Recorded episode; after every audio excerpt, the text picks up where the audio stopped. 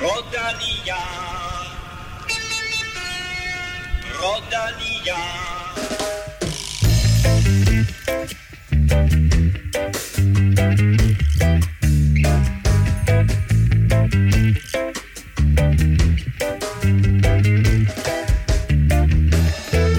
Ja, du har ganske ret. Vi er der faktisk en dag før lovet, men vi kunne simpelthen ikke lade være med at tale om de fire første etaper i Giro d'Italia. Og dermed velkommen til mine to utålmodige eksperter, Kim Plesner og Stefan Johus. Kim, øh, det er kun blevet til lige ved næsten for Mads P. indtil videre. Ja, det må man sige. Øh, ja, man kan sige, at den etape, hvor han, hvor han styrte på, der var det ikke så, så meget lige ved næsten, men, øh, men den, her, den her spurt, hvor han først lidt er blevet sat på en bakke, og så kommer han igen, og, og man kan bare se, hvordan han, han vil så gerne, altså han vil så gerne vinde den der. Man kan også se, at han ikke har kræfterne til det, men han nægter bare at give op, og derfor så bliver den egentlig mere spændende end, end i går så en almindelig sprinter, der bare havde sat sig ned, tror jeg, med, med, med 1.500 meter igen. Stefan, er du overrasket over Remkos styrke? Egentlig ikke. Altså, jeg havde egentlig regnet med, at han ville vinde, øh, vinde den enkelte start, og, øh, og det gjorde han. Men han gjorde det også ret eftertrykkeligt, og øh, et stort gap ned til, til Philip Garner, og øh, endnu større ned til, til Primoz Roglic. Så han lægger godt ud, og øh, det bliver spændende at se, hvor meget skade han gør på, øh, på enkeltstarten, men jeg tror heller ikke, at Roglic han er helt ude, øh, så, så jeg glæder mig til at se, øh, hvordan, de, øh, hvordan de bærer sig i bjergene, fordi at den enkeltstart, det var en øh, meget hurtig enkeltstart. Det handlede om at sætte hele butikken, øh, Øh, og det handlede om at, at, at ligge rigtig godt aerodynamisk, og det kan Remco, og, øh, og han er kommet top skarp fra start. Men, øh, men lad os nu lige se. Det er ikke, det er ikke over endnu, men øh, jeg er ikke rigtig overrasket over, at han, øh, han kommer flyvende godt fra start. Vi skal naturligvis tale mere om den her enkelte start. Vi skal tale mere om Remco og Roglic. Øh, Men Giro d'Italia er ikke det eneste løb, der køres i øjeblikket. Eller det vil sige, det er det, men i morgen, der begynder Ungarn rundt. Og lidt senere, der kan du høre fra Michael Mørkøv, der gør comeback i det løb. Vi skal naturligvis også quizze. Vi skal uddele den hjelm og en Ingers goodie bag til to af jer dejlige mennesker, der støtter på tier.dk. Uden jer, ingen podcast. Tak til alle, der har været med i lang tid, og velkommen til helt vildt mange nye. Altså Riese, Sebastian, Mikkel, Kenepe, Hove, Bur, Vesthede, Lars, Dalle, Enrico, Jakob BP, Emil, Nikolaj, Christoffer og Jonas Glad. Og Glad, det bliver vi også, når så mange af jer har lyst til at bakke op om Velropa Podcast, så tak for det. Og måske er det også lidt et vogn med et vinkstank fra dine medlyttere til dig, der endnu ikke er kommet ud af busken. Hop lige øh, ind og støt os på, øh, på tier.dk. Men du kan jo faktisk også støtte på en anden måde, for du kan nemlig besøge vores shop, hvor vi har introduceret månedens t-shirt i denne måned, Il Falco. Du finder shoppen på velropa.dk. Mit navn er Claus Elming. Du lytter til Velropa Podcast, præsenteret i samarbejde med Rådet for Sikker Trafik. Men allerførst lægger vi ud med resultatet af dagens etape i Giro d'Italia, fordi fjerde etape er netop slut, og det blev som forventet en udbrudsetape. Og øh, til slut, ja, så stod det faktisk klart, at norske Andreas Legnesund er ny mand i lyserødt.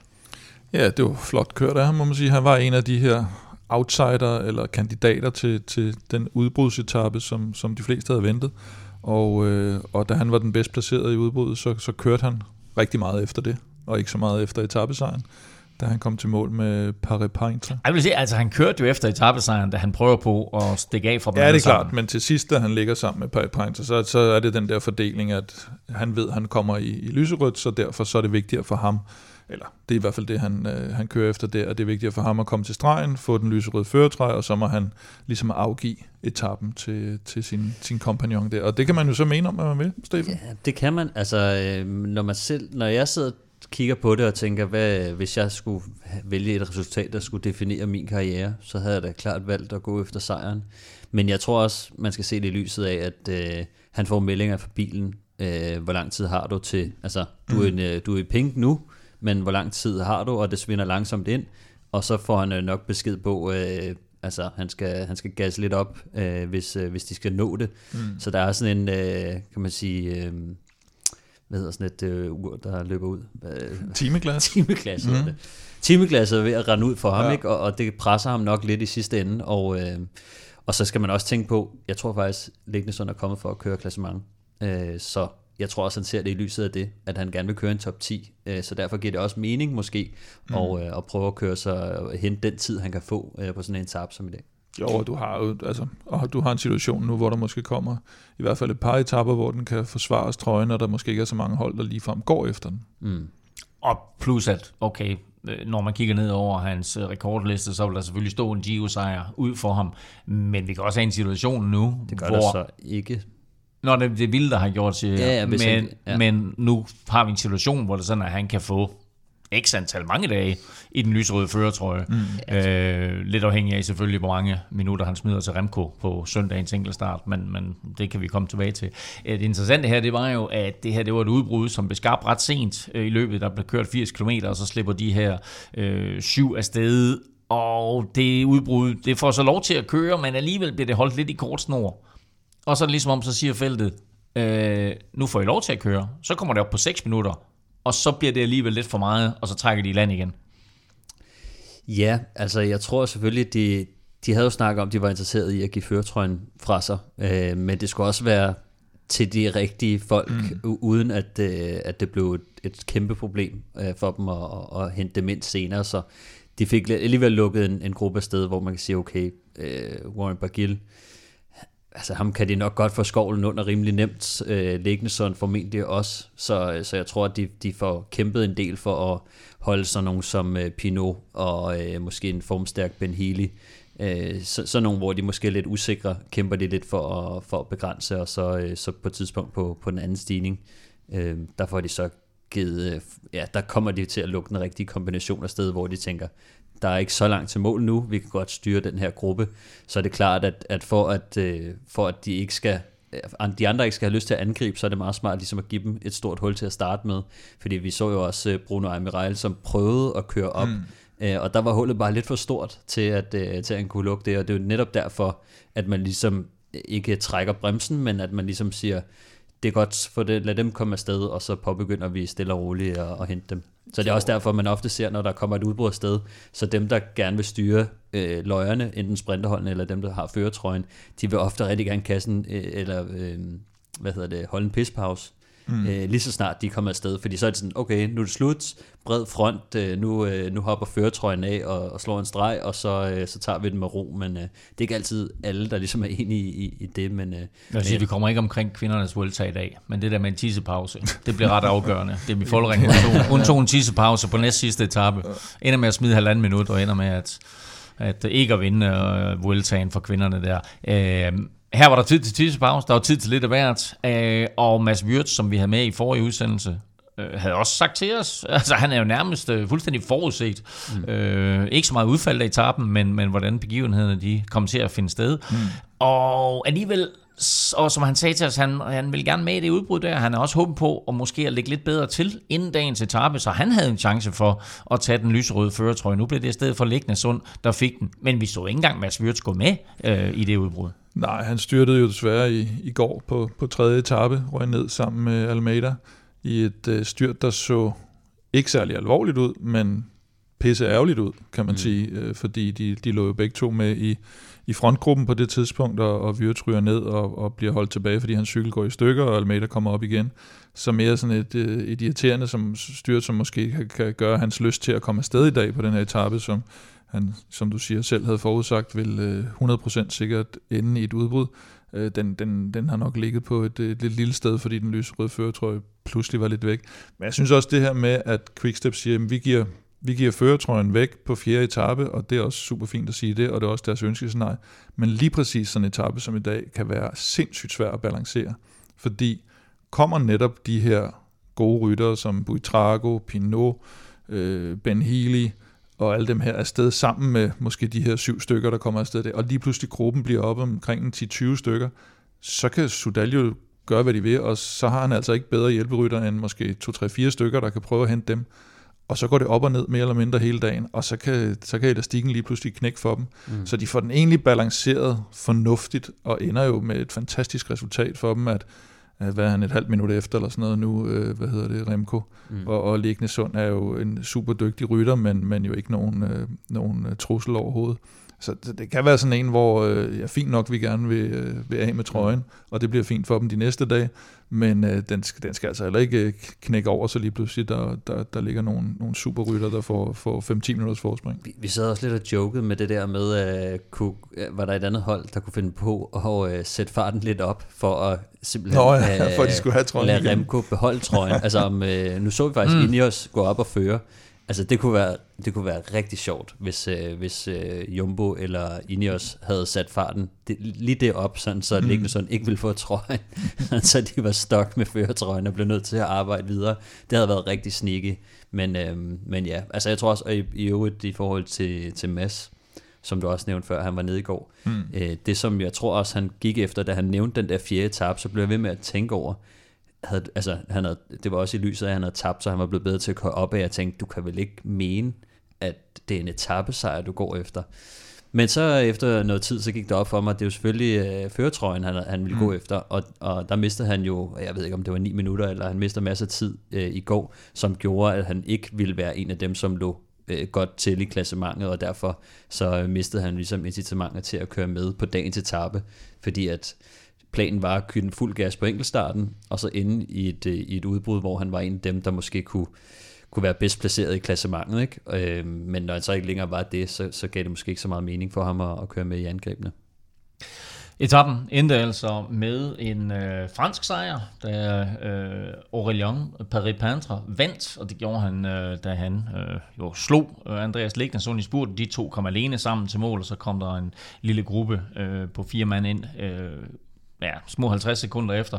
Og så kom den store gruppe med Remco og Roglic ind sammen. Vi kommer til at tale meget mere om de her to store kompetenter i dagens udsendelse, man kan altså konstatere, at de kom med favoritgruppen hjem, og dermed så ligger den unge Belgier fortsat 32 sekunder foran Shaw Almeida i det samlede regnskab, 44 sekunder foran Roglic, og så med Ineos-duoen Theo Gegenhardt og Grant Thomas yderligere 15 sekunder efter. Vi skal tale de tre etaper senere, vi skal tale Ungarn rundt, vi har også Michael Mørkov med, men nu der skal vi... Quizze! Og øh, som sagt, så har vi Michael Mørkøv med lige om lidt, og øh, han gør comeback i Ungarn rundt, som begynder onsdag. Og derfor så har jeg besluttet mig for, at i dag, der skal quizzen omhandle Ungarn rundt. Det står 8, 8 og øh, efter sidste uge, Kim, der har du serveretten, mm. og spørgsmålet er simpelt. Um, vi har faktisk aldrig haft en dansk etapevinder i Ungarn rundt. Faktisk har vi heller aldrig nogensinde haft en dansk podieplads. Men sidste år var en dansk rytter 9 sekunder fra at komme på podiet i det samlede regnskab. Hvem er han? Mm-hmm. Er spørgsmålet forstået? Ja. Yeah. Yeah. lad, være med at være så opgivende. altså, jeg, tror aldrig, jeg, jeg tror aldrig, jeg har set et sekund af Ungarn rundt i mit liv. Åh, oh, der var der tre sjove etapper sidste år, mennesker. Øhm, det var starten af Giro. Men hvis spørgsmålet forstår, du, skal ikke du skal ikke sende så har jeg kun én ting det... til. Jeg to og dig, der sidder og lytter med. Lad nu være med at google prøver at komme op, men Mørkøv er altså leveret perfekt. Michael Mørkøv, perfekt. det kan man godt kalde en magtdemonstration af det Køning Quickstep. Og Michael Mørkøv, dansk mester, for tredje gang i alt og for anden gang i træk. Sådan lød det, da Michael Mørkøv senest vandt DM i 2019, men derfra har det været småt med sejre. I stedet har den 38-årige dansker slået sit navn fast som verdens bedste lead-out-rytter. Og det får han igen mulighed for at bevise, når Ungarn rundt begynder i morgen onsdag. Vi skal tale med Michael lige om lidt, men først, Stefan, der lad os lige tage et øh, hurtigt kig på de fem etaper, der altså som sagt starter onsdag og slutter søndag. Ja, altså det, det, er jo et, øh, det er jo fem etapper, en god blanding af det hele. De første to etapper er, øh, er nok for sprinterne, øhm, og så, øh, så de næste to etapper, øh, de er for klatrende, groft sagt. Tredje etape er i lidt mere den kuperede afdeling, men slutter dog også opad på en, på en stigning, der burde være for meget til, ja, til selv punchers måske, men og så, så fjerde etape, den er, den er for øhm, for bjergrytterne udelukkende. Den sidste etape, den er, den er faktisk ret spændende. Det er i Budapest. Man kører en, øh, en rundstrækning 15 gange på knap øh, 10 km. Og øh, der er sådan en, øh, en stigning på 1 km. Ikke så, ikke så stejl overhovedet, men, øh, men man skal bare over den øh, så mange gange, og, og, og ret ofte og hele tiden skal man over den der lille stigning der. Så, så den kunne godt være lidt underholdende, og den, den er meget svær at spå om, øh, om, det, om sprinterne kan, kan komme med hen over den, øh, eller om der bliver kørt så aggressivt, at, øh, at det bliver sat. Jeg kunne godt være lidt bekymret for øh, nogle af sprinterne, sådan en som, som Fabio Jacobsen har man nogle gange set, øh, han kan godt køre lidt flad, øh, når, når, når der bliver lagt meget pres på, men, øh, men jeg er sikker på, at der er nogle af sprinterne, som, som har en, øh, en chance for at komme med hjem til stregen. Men hvorfor øh, vælger man at lægge et femdages etabeløb, altså lige oven i første uge af Giroen? Jamen altså, der er jo, der er jo cykelløb hele tiden, men, øh, men det som Ungarn rundt jo profiterer af, er, at Giroen i år er så hård, øh, og der er mange af de her topsprintere, som skal køre Tour de France, og, øh, og lægge en, øh, og lægge en Giro d'Italia ind i deres, øh, deres planer.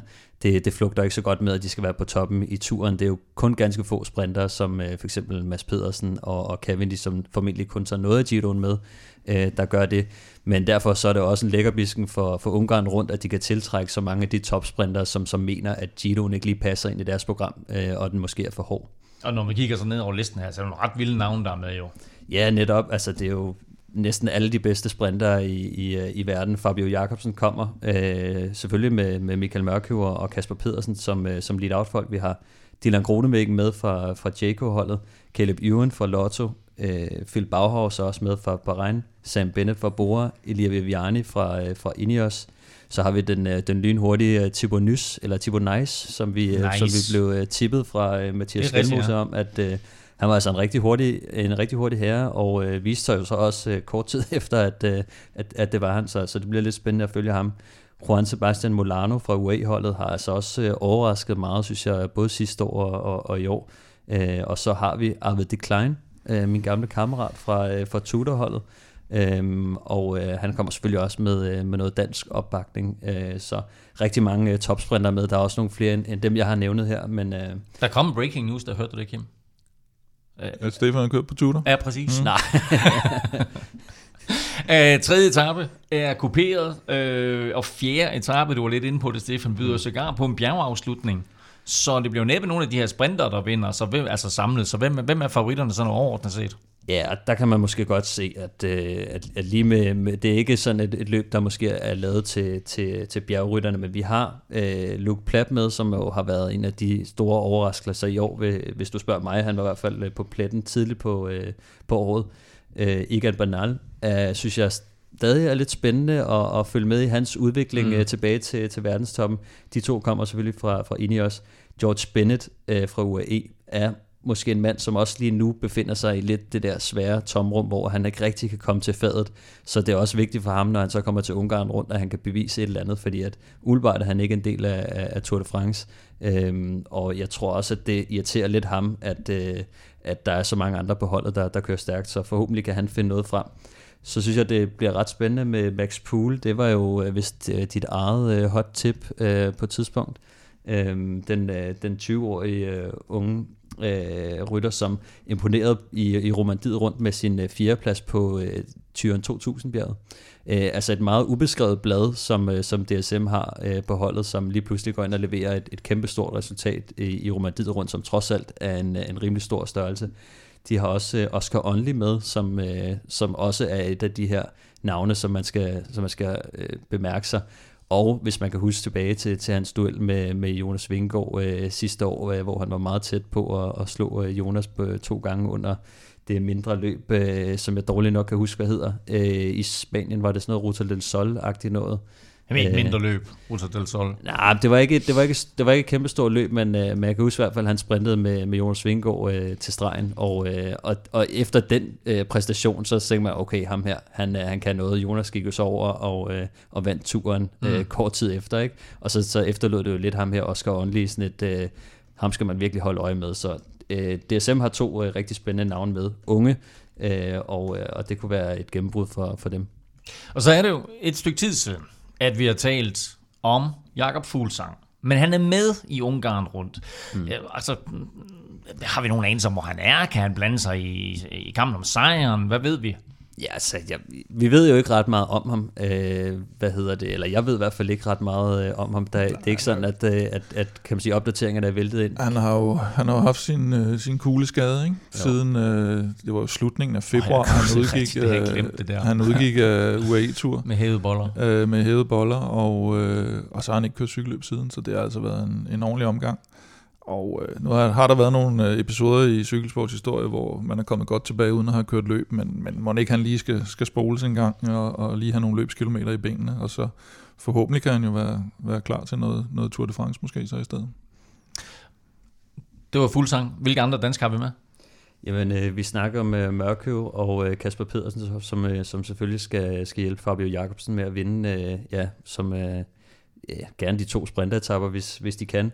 Øh, Tobias Lund, han kommer også med. Jeg tror, han skal hjælpe øh, den unge hollænder Kasper van Øvden øh, i spurten, eller også så skal han øh, formentlig hjælpe øh, Max Pool og Oscar Only i, øh, i klassementet.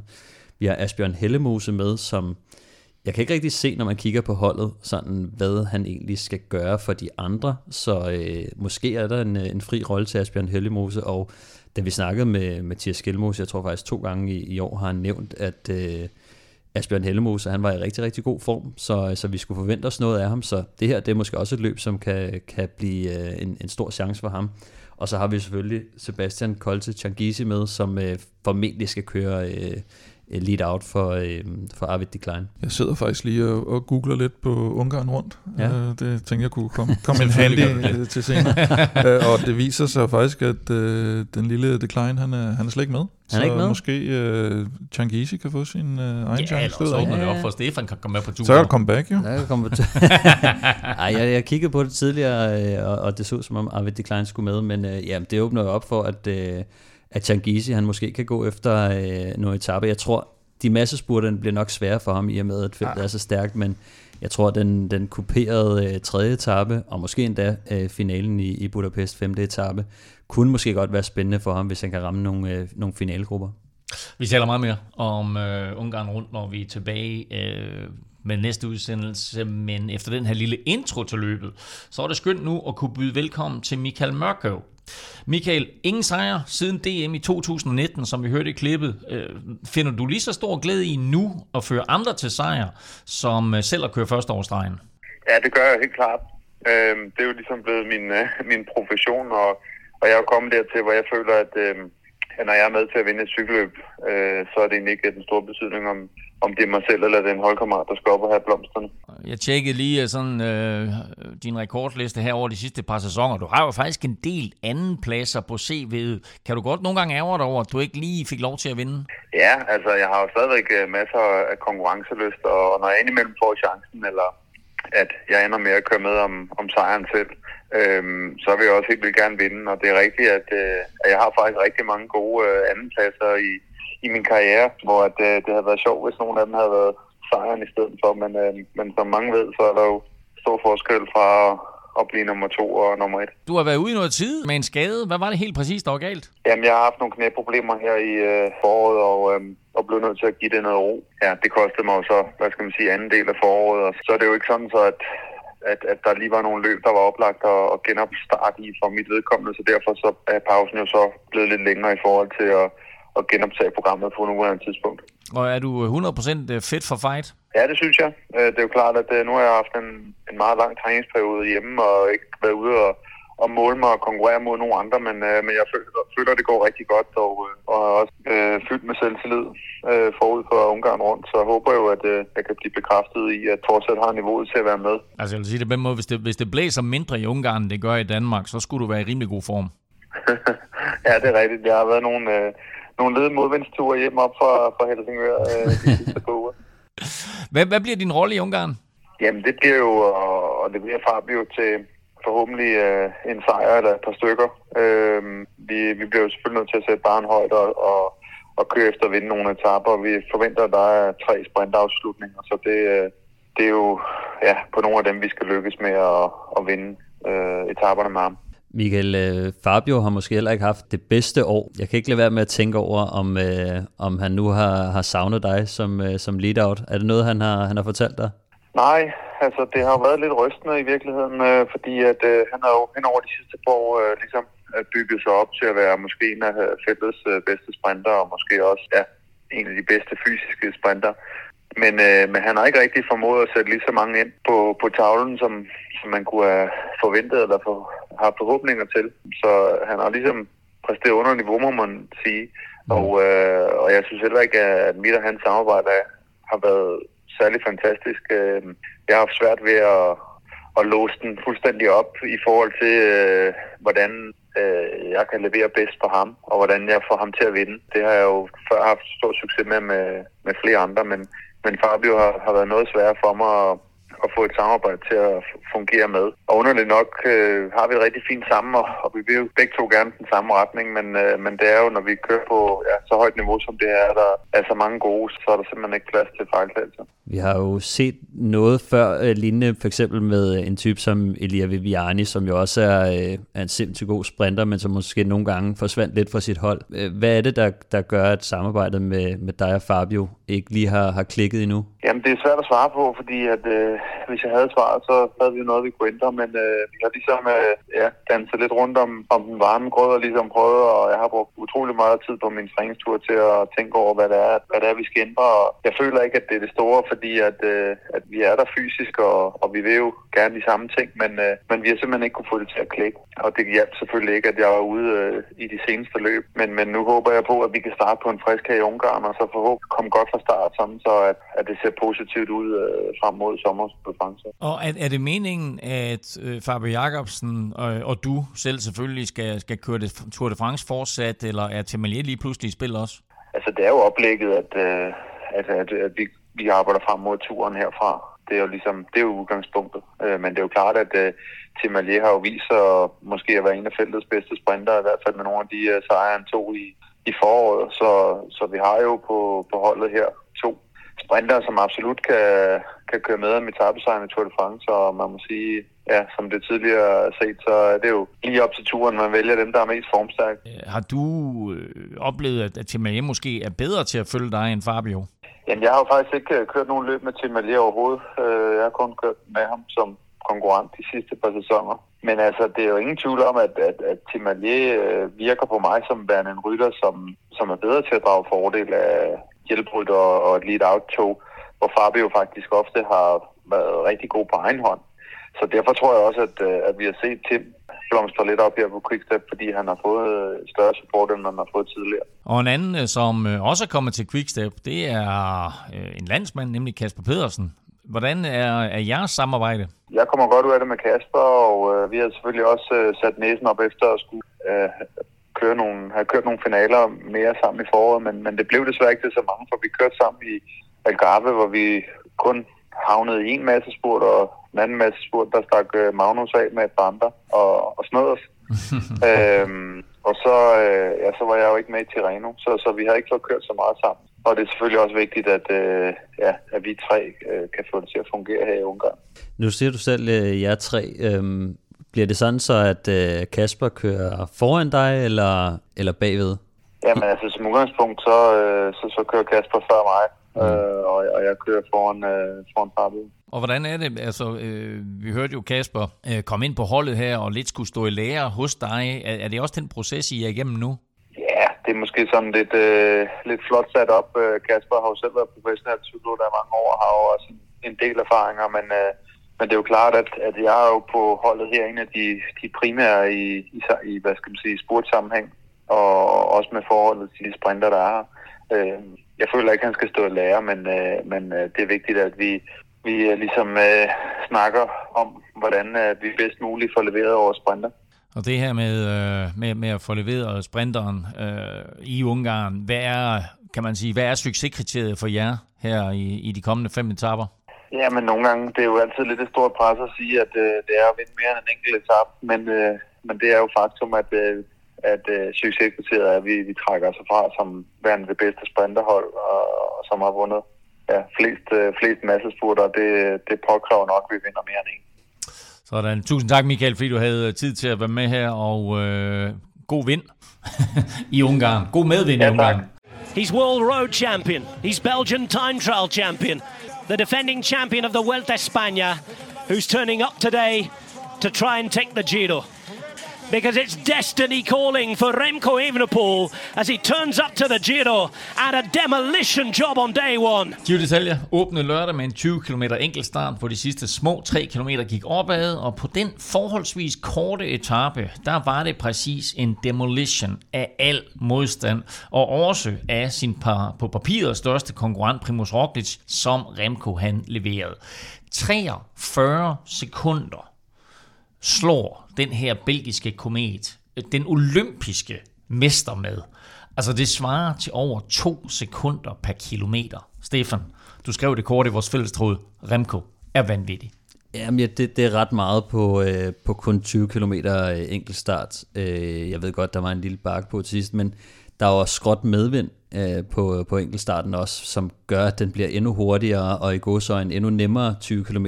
Så det gør det ikke mindre imponerende, men øh, det peger bare lidt i retning af, øh, hvilket niveau som Remco han kommer med fra start. Øh, han er virkelig klar fra start.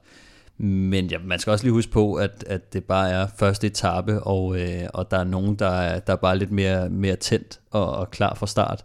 Der er også nogen, som, øh, som har timet det på den måde, at øh, de mangler en lille smule niveau øh, i starten og, og kommer lidt bedre ind i, i, i løbet.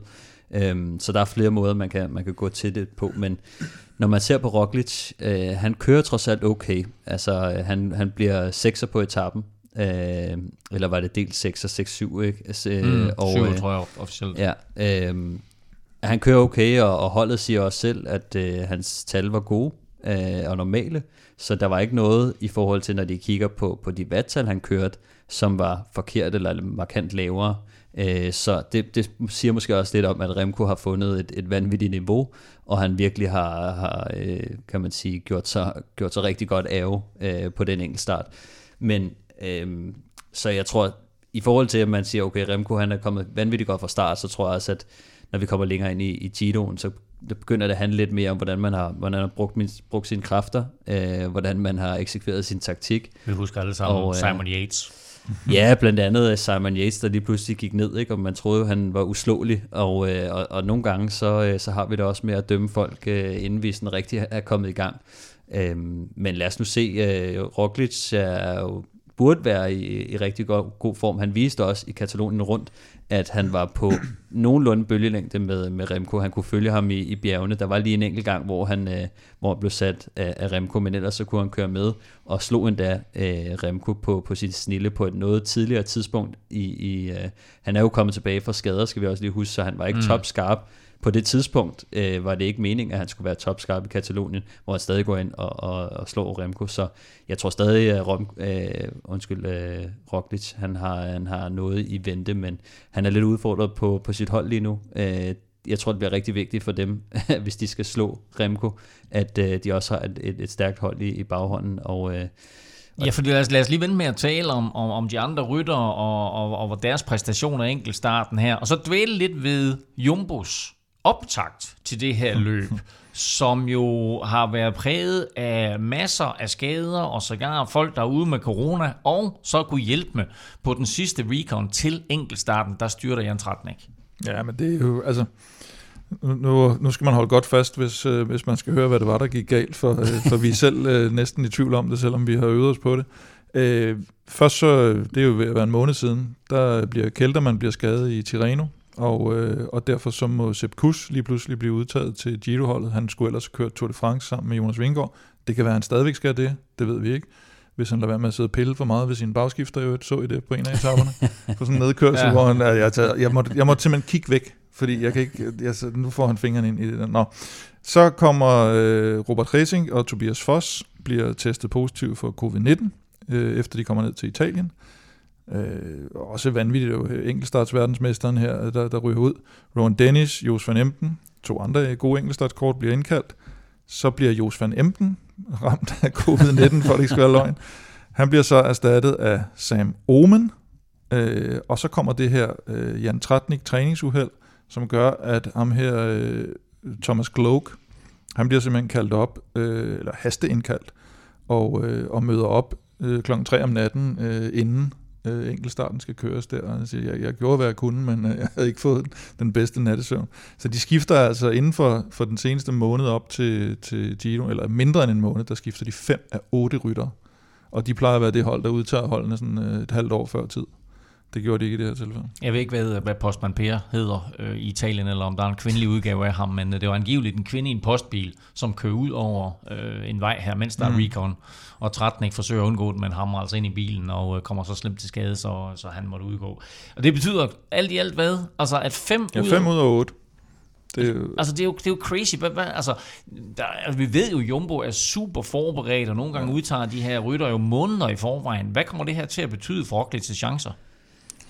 Ja, det, det er jo en streg i regningen også, fordi at du kører jo de her, mange af de her rytter kører jo sammen. Nu, dem, der skal køre Tour de France nu, de er jo sikkert på højdetræningslejre sammen, de er nede og kører recon sammen, så der, der bliver jo opbygget en eller anden øh, form for, for både sammenhold, øh, kan man sige, men også, øh, og at de kan træne en masse ting.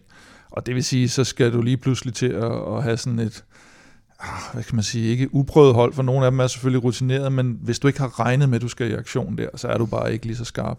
Mm. Og, øh, og netop en af de ting, som Roglic skulle bruge for at slå Remco, det var jo holdet. Altså til at mm. starte med, hvor man siger, at Sudal Quickstep, de er ikke rigtig et etabeløbshold, og der har Roglic en stor fordel. Den fordel er jo ligesom slået i stykker nu.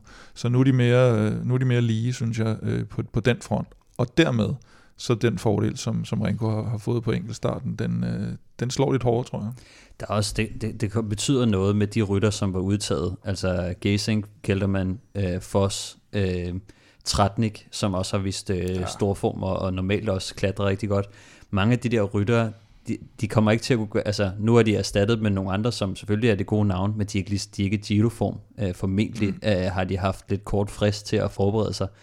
Øh, Rowan Dennis er ikke lige den, som, øh, som vi har kendt ham for nogle år siden. Så altså, nogle af de der navne, de vil ikke kunne gøre forskellen. Lad os nu sige, at, øh, at øh, Ineos, de har øh, Geraint Thomas og Tau Geoghegan Hart i, i stor form og med i klassementet. Hvis en af de pludselig rykker på næst sidste stigning, øh, Roglic sidder i en god position, der de har ikke nogen, som mm. kan som er lige så godt kørende som Gegan Hart, så de vil ikke kunne hente ham, hvis nu at Roglic han sad i føretrøjen.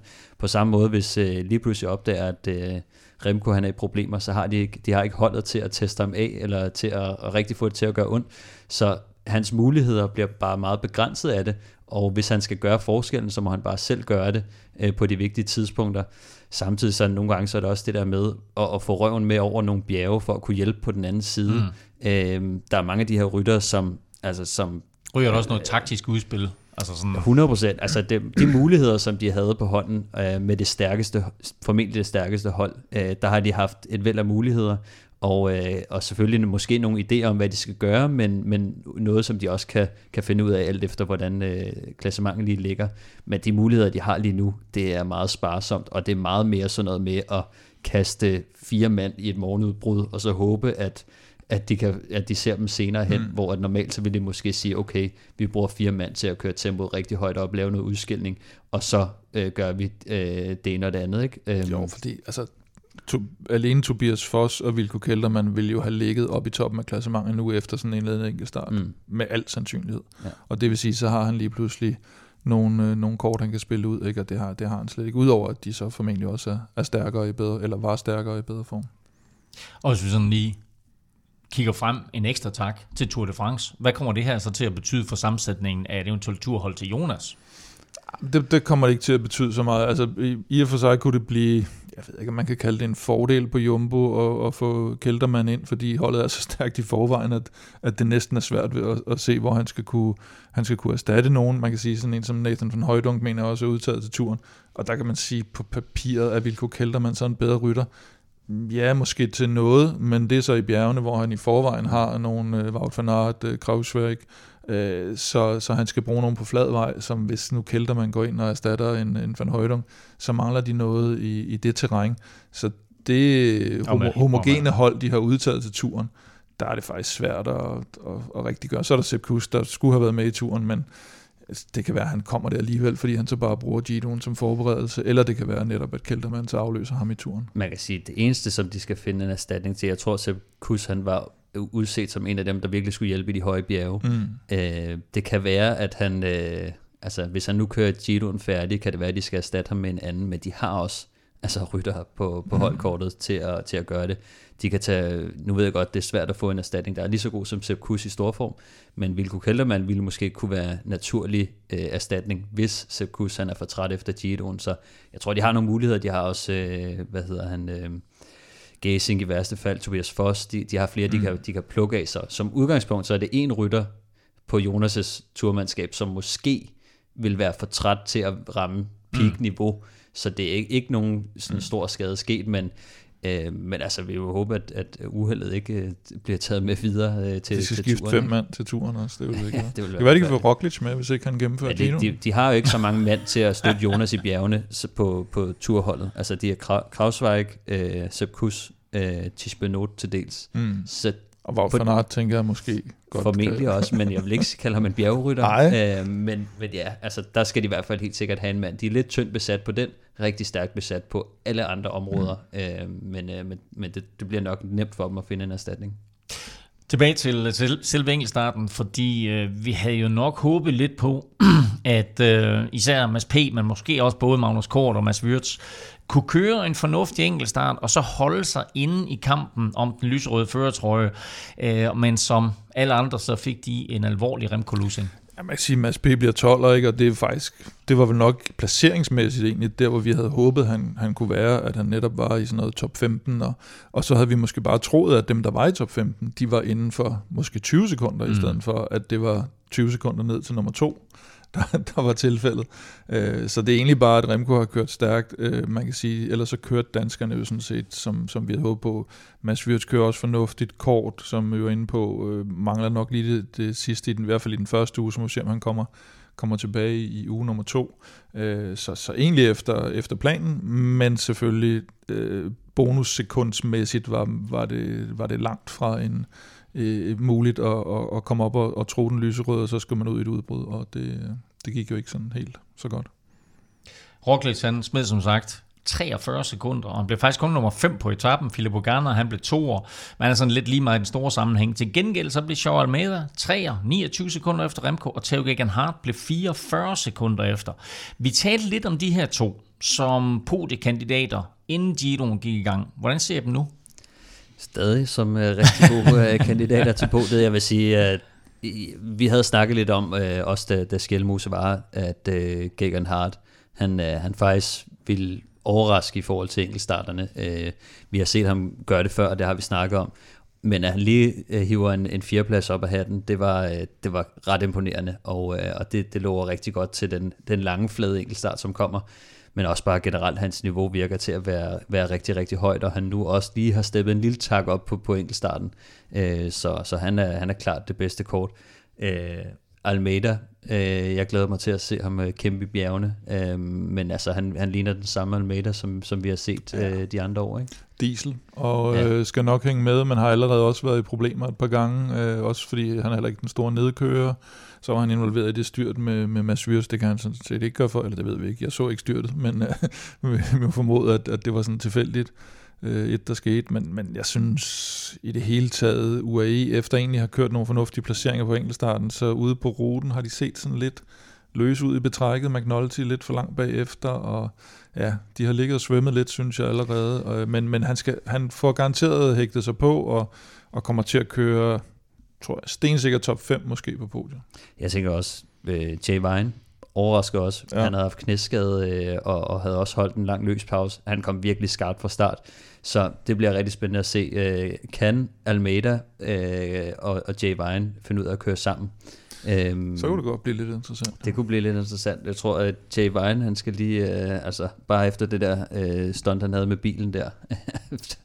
det, øh, har I set det? Ja, jeg så det godt. Hvad var det for noget? Altså, han er ved at... Han, Ja, han, jeg tror, han holder bare fast i, i, i bilen, som så speeder op, og så, så han holder jo bare fat, og så bliver han jo bare trukket med den der bil, bliver måske lidt overrasket, men jeg tænker, en, en, en, en jeg havde næsten sagt, en hver idiot havde øh, sluppet øh, mm. bilen. Øh, fordi Men, han, men altså, når man ser det, han, han cykler jo sådan helt ned i 45 grader, og han får Ja, ja, så ja. på en eller anden magisk vis kæmpet sig tilbage. Ja, det, det er ret imponerende, at han faktisk redder den, men, øh, men det er også lidt dumt, øh, og viser måske også lidt, at øh, han måske ikke er lige så vant til at hænge i sådan en stille, øh, bil. han plejer at sidde stille på cyklen. Men altså, så tænker jeg også noget, altså, det det er jo helt tydeligt, at han får, altså, altså, han får en, en mere end sticky bottle, det er jo sticky window. Ja, det var det. Altså, ja. ja. kan man ikke blive straffet for sådan noget? Øh, måske var det straf nok. Og, så, det tror jeg, jeg tror faktisk, han fik så stort et chok, så det var et straf nok. Ja. Øh, Ghana blev som sagt to år, øh, og det er jo lige ved, at det er en italiensk sejr, i og med, at, at Remco han var så overlegen, som han var. Øh, så på en eller anden måde, så var der sikkert nok jubel omkring Ghana. Til gengæld, Kim, så skuffede en af de andre lokale helte, øh, Domenico Portovivo. Ja, jeg synes faktisk, han plejer at køre. Man, man har altid sådan, når man ser en enkelt, så siger man, nej, han kan ikke køre enkelt starter. Så plejer han faktisk at ligge sådan op i nogle gange sådan omkring en 10. plads til 20 stykker. Men altså, han smider, smider næsten, eller han smider mere end, end, end to minutter. Og øh, så vi havde Mads Myrs igennem, der sagde, at øh, han var lidt i tvivl om, hvor meget han skulle hjælpe ham i forhold til klassementet, og mm. det ser ikke ud, som om det er så meget i øjeblikket. Han er kommet lidt efter det siden, men, men det er meget at, at smide der. Ikke? Og, så, og så Lennart Kemner, som vi jo havde talt om. mm. Han, øh, der, der var flere, der havde Som ham selv havde proklameret, at han skulle køre Han skulle køre klassement. og, og har tidligere kørt super gode enkeltstarter, og øh, han smider 1.23 på 22. pladsen. Det synes jeg også var lidt af en, Ja. af en skuffelse. Jeg vil sige, Porto Vivo, øh, til, til hans, øh, hvis man skal komme ham lidt til undsætning, så, øh, så var han jo uden kontrakt i starten af året, kommer, mm. kommer lige pludselig ind på Israel. det er rigtigt, ja. Øhm, så det der med, at han kommer ind på et hold lidt sent, skal køre Giro. Han vidste jo godt, at han skulle køre Skal Giro. at vende sig til deres enkeltstartcykel. Men så får han lige pludselig en enkeltstartscykel, som, øh, som han skal... Han, han har nok ikke fået mange ture på den enkeltstartscykel, og fået den indstillet helt skulle rigtigt. også lige lave en, der var så lille, så han kunne sidde Og, på den. øh, ja, han skal have en børnemodel, ikke? øh, som de måske ikke har haft øh, på, på lager. Og Men, det, er ikke, fordi, øh, det er ikke fordi Mads Wirtz har omtalt de der enkeltstartscykler i Nej, rosende præcis, vendinger. præcis. Så han kommer over på noget, noget helt nyt udstyr, som måske heller ikke er blandt, øh, blandt toppen i, i feltet. Øh, så uden tilvænding og alt sådan noget, så, øh, så, kan der, så er der også svære betingelser. Ikke? Men det passer meget godt med de 5 minutter, som Georgen Hart kommer til at smide til Remco. Ikke? 40 sekunder her, 2 minutter på de to sidste enkeltstarter, det er 4 minutter 40. Det passer meget godt med 5 minutter. Ikke? Så den tager vi senere. Den, den giver du ikke slip på. Nå, men jeg lige afslutning her på enkeltstarten, fordi der var faktisk en lille sjov kuriositet, øh, ku- ku- ku- kuriositet hedder det vist, mm. øh, på første dagen der, fordi Brendan McNulty mm. øh, går på podiet og får bjergtrøjen, men så på sådan en rigtig italiensk vis, så viser det sig simpelthen, at der var fejl i tidstagningen. Ej, nu er det selvfølgelig, vi ved jo ikke, hvem det er, der har, har lavet bummerten, og, og det er jo Tudor, der, der er officielt tidtager, og det er italienske arrangører, så, så vi, vi, vi, vi vil lade den ligge et sted mellem de to. Men der er i hvert fald nogen, der fik kludret i det, fordi øh, bjergtrøjen er, går så til den her rytter, det havde vi også talt om, at der bliver taget en tid ned for foden af den, af den sidste stigning der op mod mål, og så den, der kommer hurtigst op, øh, vinder. Og Brandon McNulty, han fik, fik jo øh, tildelt den her trøje, for han var hurtigere end både øh, Gegan Hart, og så kan jeg faktisk ikke huske, hvem der blev tre, om det var Meyerhofer egentlig, ham øh, Det tror det tyskeren. Mm. Øh, det viser sig så, at øh, det var nogle spøjse mellemtid, han havde fået, fordi på den første mellemtid lå han nummer, ifølge tidtagningen, nummer 100 et eller andet. Mm. Og så har han faktisk kørt fra Remco, ret markant på, mm. på den sidste halvdel af ruten, inklusiv stigningen. Der har han simpelthen taget øh, øh, en, en, hel, øh, en hel del sekunder på, øh, på, på Remco. Og så, øh, og så var det pussy var også, at McNultys egen Strava-profil, den viste, at han var 14 sek- sekunder efter øh, Gegan Hart og, og også øh, Almeida. Men øh, de fik det korrigeret, så, øh, så til, til dagen efter var det, var det rettet igen, så han ikke, øh, så han ikke kørte i den. Og så var det Theo Gegenhardt, der, Ja. der fik uh, bjergtrøjen der. Øhm, nok om enkeltstarten. Øh, anden og tredje etape talte vi om, inden øh, lå godt til danskerne, og vi havde også lidt en forhåbning om, at... Du at, gjorde. Øh, Ja, det gjorde jeg. Jeg prøvede måske på at tælle dem op, men altså lad os sige det på den måde, Mads P. var i spil til at vinde begge ja. etaper af forskellige årsager, øh, så lykkedes det ikke. Øh, Du nævnte det lige kort, Kim, tror jeg, at på søndagens anden etape, øh, der så han godt ud, og han øh, lå fint sammen med Trek, da fældet de nærmer sig finalen, men så bliver han og Trek fanget i et styrt lige over 3 km øh, før mål. Ja, lige uden for, øh, for 3 km mærket der. Øhm, og øh, det ser jo voldsomt ud, og der er rigtig mange, der bliver, der bliver hævet ned, og, og hele Treks hold bliver jo faktisk fjernet fra, fra finalen, og, og masse chancer øh, dør. Det, det ser lidt vildt ud, men, men det starter jo helt over i den anden side, øh, faktisk med øh, Caden Groves og øh, Davide Ballerini, som, øh, som skubber til hinanden. Eller rettere, øh, Ballerini kører ind foran øh, Caden Groves, og der kommer en barriere op. Øh, de kommer fra en lidt større vej og skal ind på det, den, kan man sige, til den højre side af det. Og, øh, og der, der kommer Ballerini så, der bliver feltet øh, presset lidt sammen. Ballerini kan man se på helikopterbillederne bagefter, er på en eller anden måde kommet ind foran Caden Groves, som han, så han mister sit, sit lead-out, øh, som ligger og fører på det her tidspunkt, og øh, han bliver presset ind mod barrieren, og der er han lidt aggressiv med en, med en albu, som han bruger til at skubbe Ballerini væk med, og for at han kan få plads til at komme frem til sit hold igen. Ballerini, han er så ved at miste balancen, øh, eller komme op og ride på, på et hjul, og, øh, og laver så et svej, i det han, han redder den. Og, øh, og Remco laver så også tilsvarende et svej, fordi han ligger lige ved siden af der.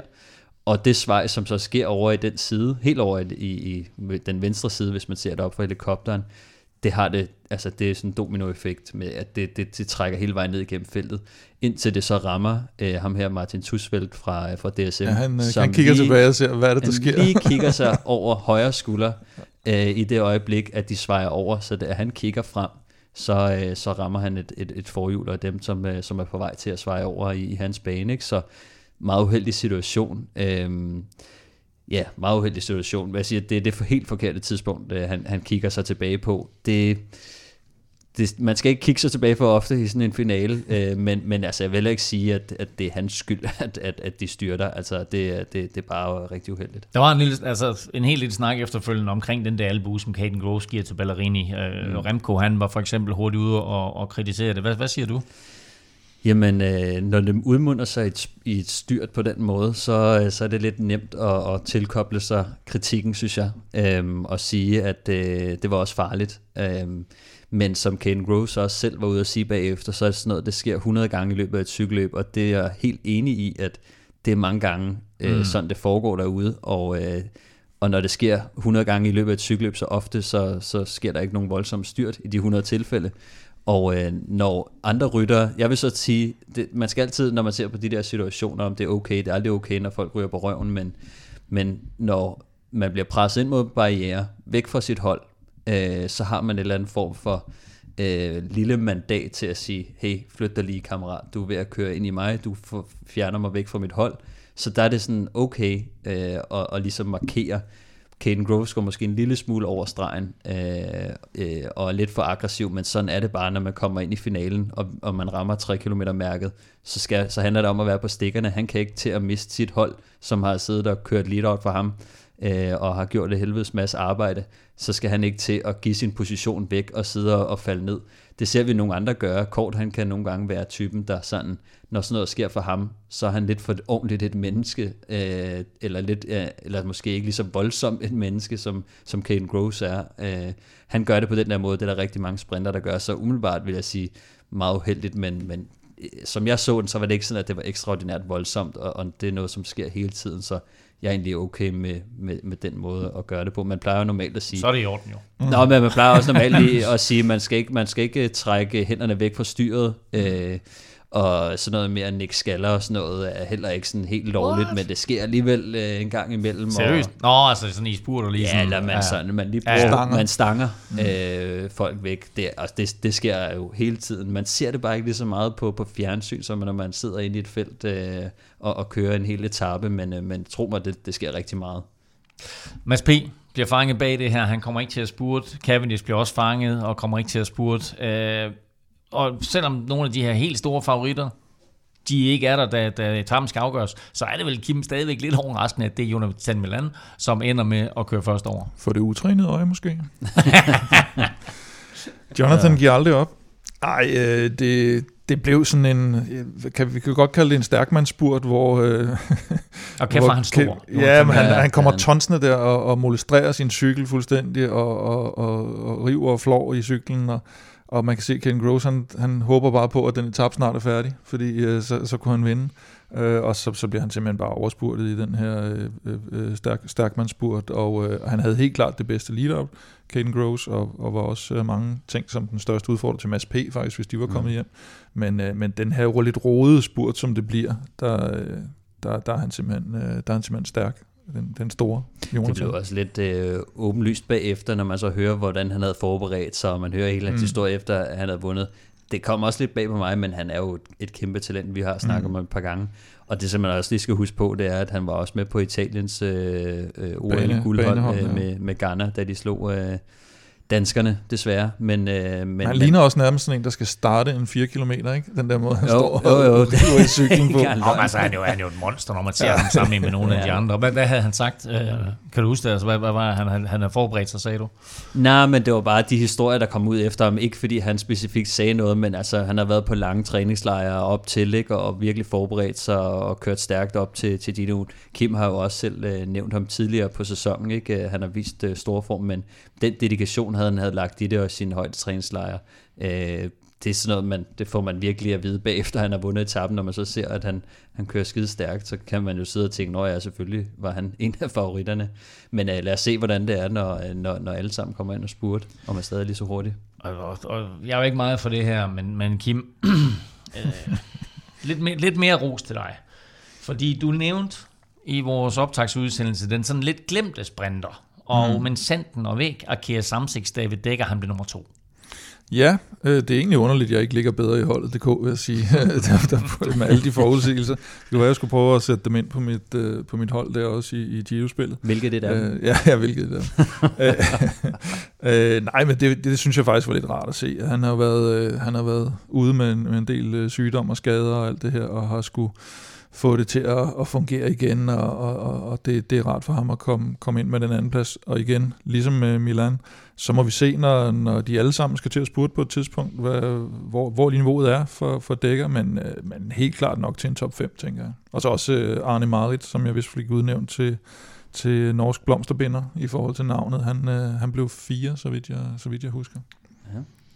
Remko og Roglic kom begge to udenomstyrtet og kom med hovedfældet hjem og fik noteret samme tid som Jonathan Milan. Men Stefan, der var faktisk flere klassementsrytter, som tabte lidt tid. Jamen, det var der. Altså, øh, Gegan Hart øh, var en af dem, som, øh, som øh, det skabte jo også et hul, kan man sige. Der var ikke så, så, øh, så langt til mål øh, på det tidspunkt, men øh, de skulle alligevel øh, lige bremse lidt op og, og vente lidt, så, så det betød, at de mistede noget tid.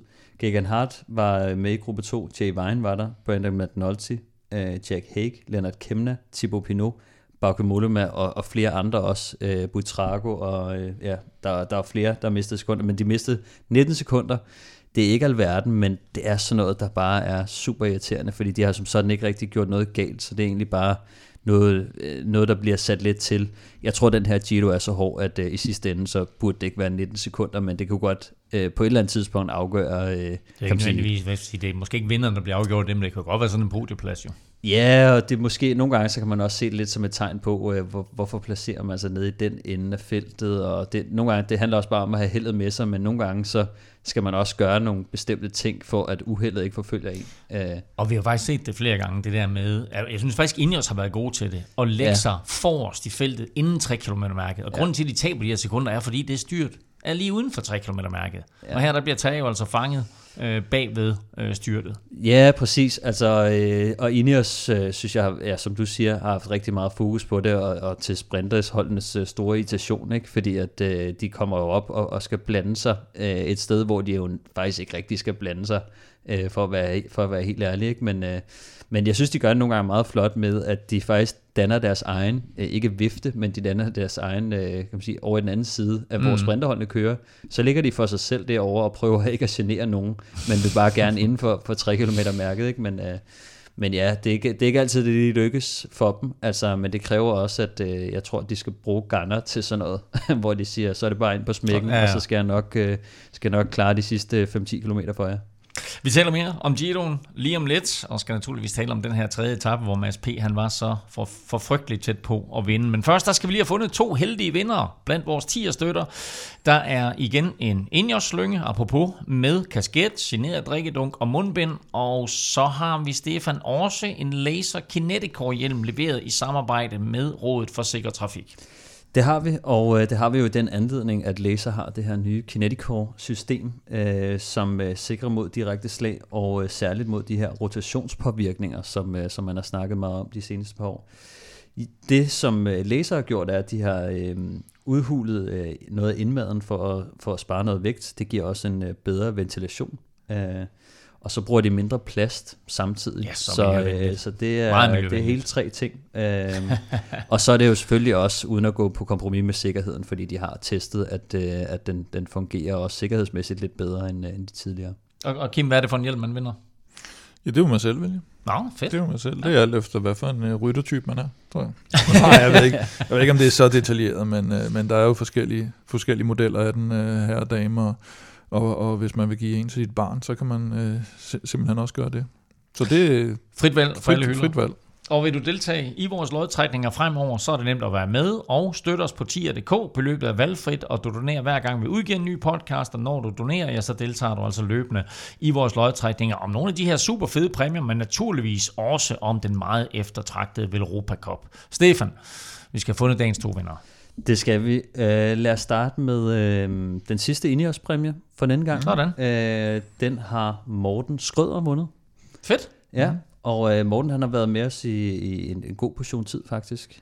Du har noteret, at han er mellemgammel, kan jeg se. Ja, jeg har ikke lige... Øh, ja, jeg, jeg mistede lige datorerne her nu. Ja. Og, øh, men øh, Og til, til, til, til lytterne kan jeg sige, det er sådan en, en note, der står i manuskriptet omkring, uh, hvor lang tid Morten har været med. ja, ja det, det kan godt være, at Morten han er, han er ældre eller yngre, men øh, lige her, der står der mellemgammel. Han er mellemgammel i vores manus.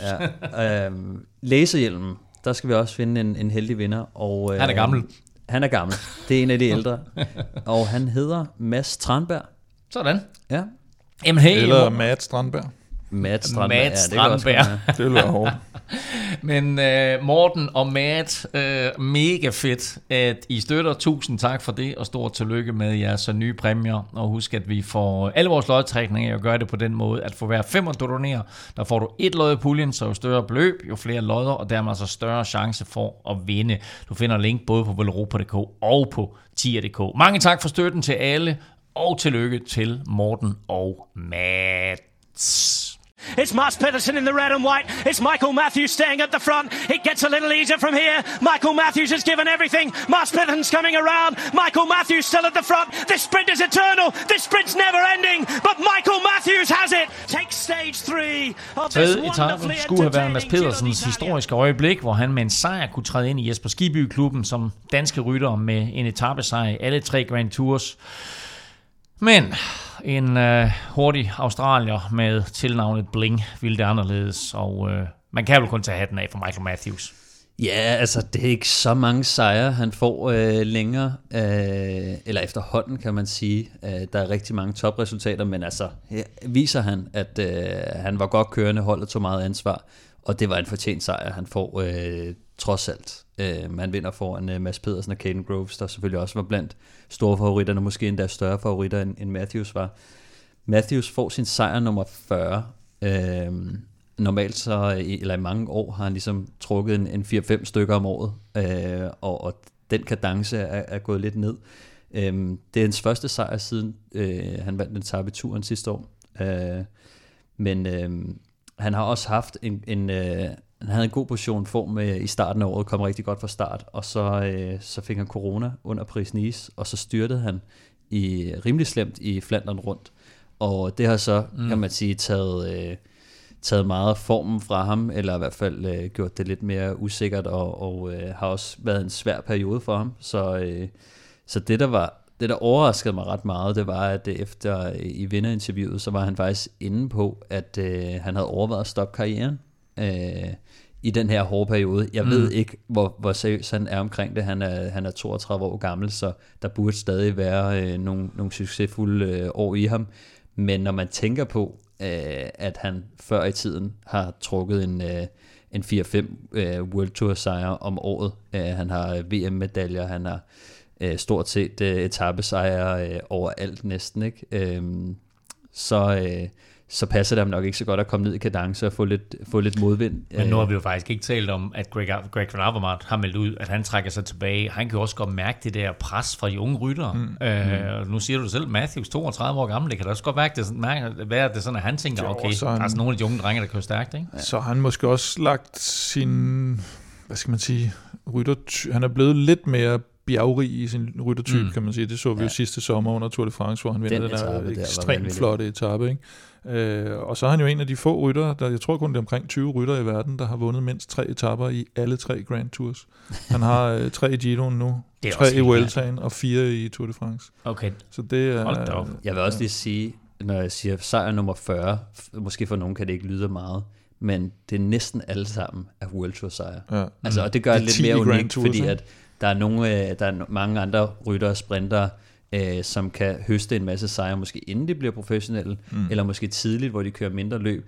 Matthews, han har bare været på toppen øh, i en tidlig alder, og så er det bare næsten kun World Tour han, løb, var, han har høre, han, var, præsteret. han var rockstar tidligere. Ikke? Altså, det er også derfor, du er hedder Bling og sådan noget. Og der, der vil måske holde lidt op med at tale om ham, men jeg synes jo bare, det du nævner der, Kim, ikke med, at han har mindst tre etappesejre i alle tre Grand Tours, det er jo helt crazy. Også vi sidder her og taler om, vi håber på, Mads og Magnus øh, Ja, ja. kommer i den der klub med en i hver. Ikke? Ja, ja.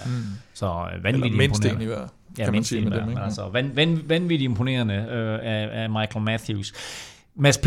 han var selv sådan rimelig klar i spytte bagefter, og han tog skylden for, at, at han ikke kunne fuldføre det her projekt og vinde etappen.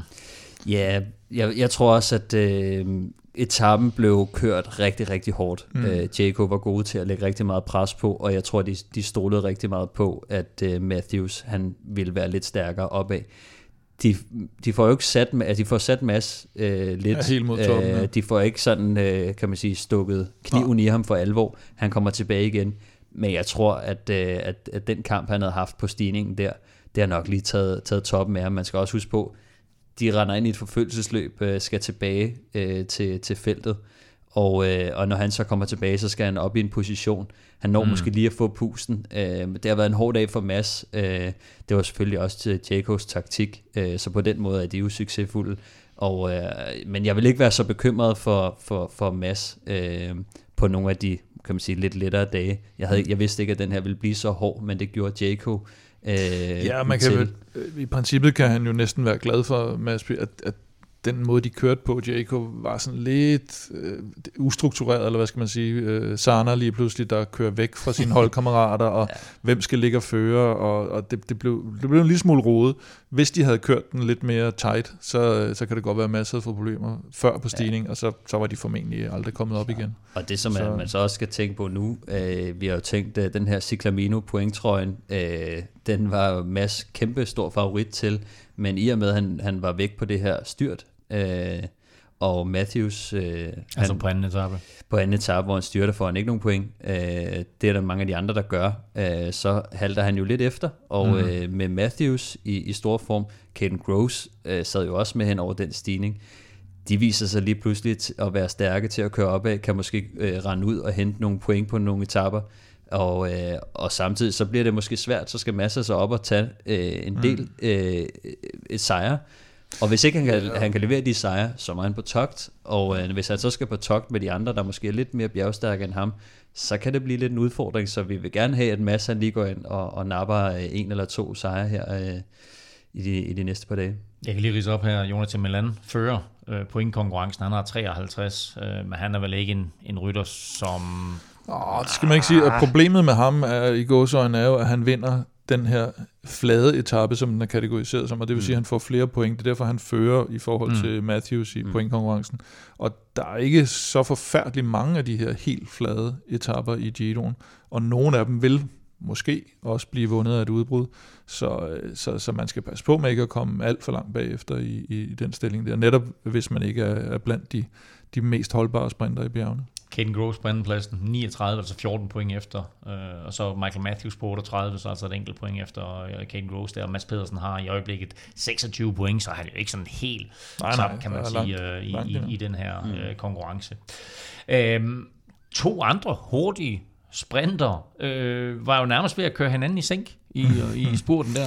Ja, det så ikke pænt ud. Det var, altså, det var den, vi havde forudsagt lidt, at uh, Intermarché ville gøre, ikke? fordi de havde så mange. De havde både uh, ja, ham her, Arne Marit, og, og nu kan jeg ikke engang huske, hvem, uh, hvem de andre var, men de, de havde... De havde Og så videre. De havde, Og så videre, jeg kan blive ved. uh, men uh, Oldani, Stefano Oldani og Caden Gross, de, uh, de ligger og, og, og kører sådan nærmest ind i hinanden lige før stregen og bliver 3 og 5, i stedet for at få det organiseret lidt pænere, sådan at øh, Oldani, vil man formode, når nu de var kommet hjem til stregen, lige kunne have kørt det lidt pænere lead-out for, for Caden Gross, som, som virker til at være en af de hurtigste. Magnus Kort sad øh, længe med i forfølgergruppen, efter at være blevet sat på stigningen, øh, mens Mads Wirtz, han så sad med i første gruppe, og faktisk så rigtig godt ud. Men altså den her evigt uheldige dansker, han styrter kort før finalen bliver indledt. Ja, jeg, jeg synes, det havde været fedt for ham at komme med, med til stregen. Nu får han kæmpet sig over den her mega lede stigning, hvor at uh, stort set alle sprinter Mads P., som er også, uh, hvad hedder det, er super stærk på, på, på stigningerne. Mm. Øhm, Kort er også sat, ikke? Så Kort han er, er også sat, dansker. Uh, så Mads, han viser lige pludselig... Altså Mads W. Mads W. Uh, han viser, at, at, han, at, som han fortalte os, altså han har tabt sig, han er super stærk uh, opad lige nu, uh, og det lå rigtig godt til nogle af de kommende udbrudsetapper. Men, uh, men super ærgerligt, han, uh, ja, vi ved ikke helt, hvad der sker. Han kommer uh, på en eller anden måde uh, køre sammen med, med Almeida. Uh, Mads Cykel uh, går i stykker. Han skal i hvert fald bruge en ny uh, Almeida. Han, uh, han fortsætter og kan komme mm. op igen.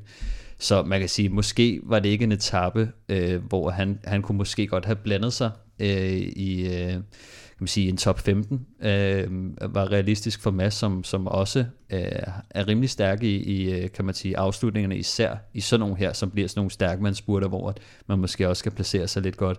Men øh, alt i alt, så vil jeg bare sige, øh, altså, at han sidder med hen over den der, det lover rigtig godt for, øh, for hans øh, udbrudschancer. Og som du var inde på lidt tidligere, så var det jo ikke så vigtigt for Mads Wirtz at vinde den her etape. Det var vigtigt for ham at holde sig til, så kunne det godt mm. være, at vi har set ham med i det udbrud her på fjerde etape, ja, hvor så ender føretrøjen på en nordmand, i stedet for på en dansker eventuelt. Øhm, ude på etappen, der tog Remco faktisk et enkelt bonussekund på Roglic undervejs, og det betyder, at han som tidligere skitseret nu fører med 44 sekunder ned til Roglic. Men da de kommer til stregen, der slår Roglic faktisk Remco øh, Roglic bliver 7, og Remco bliver 15.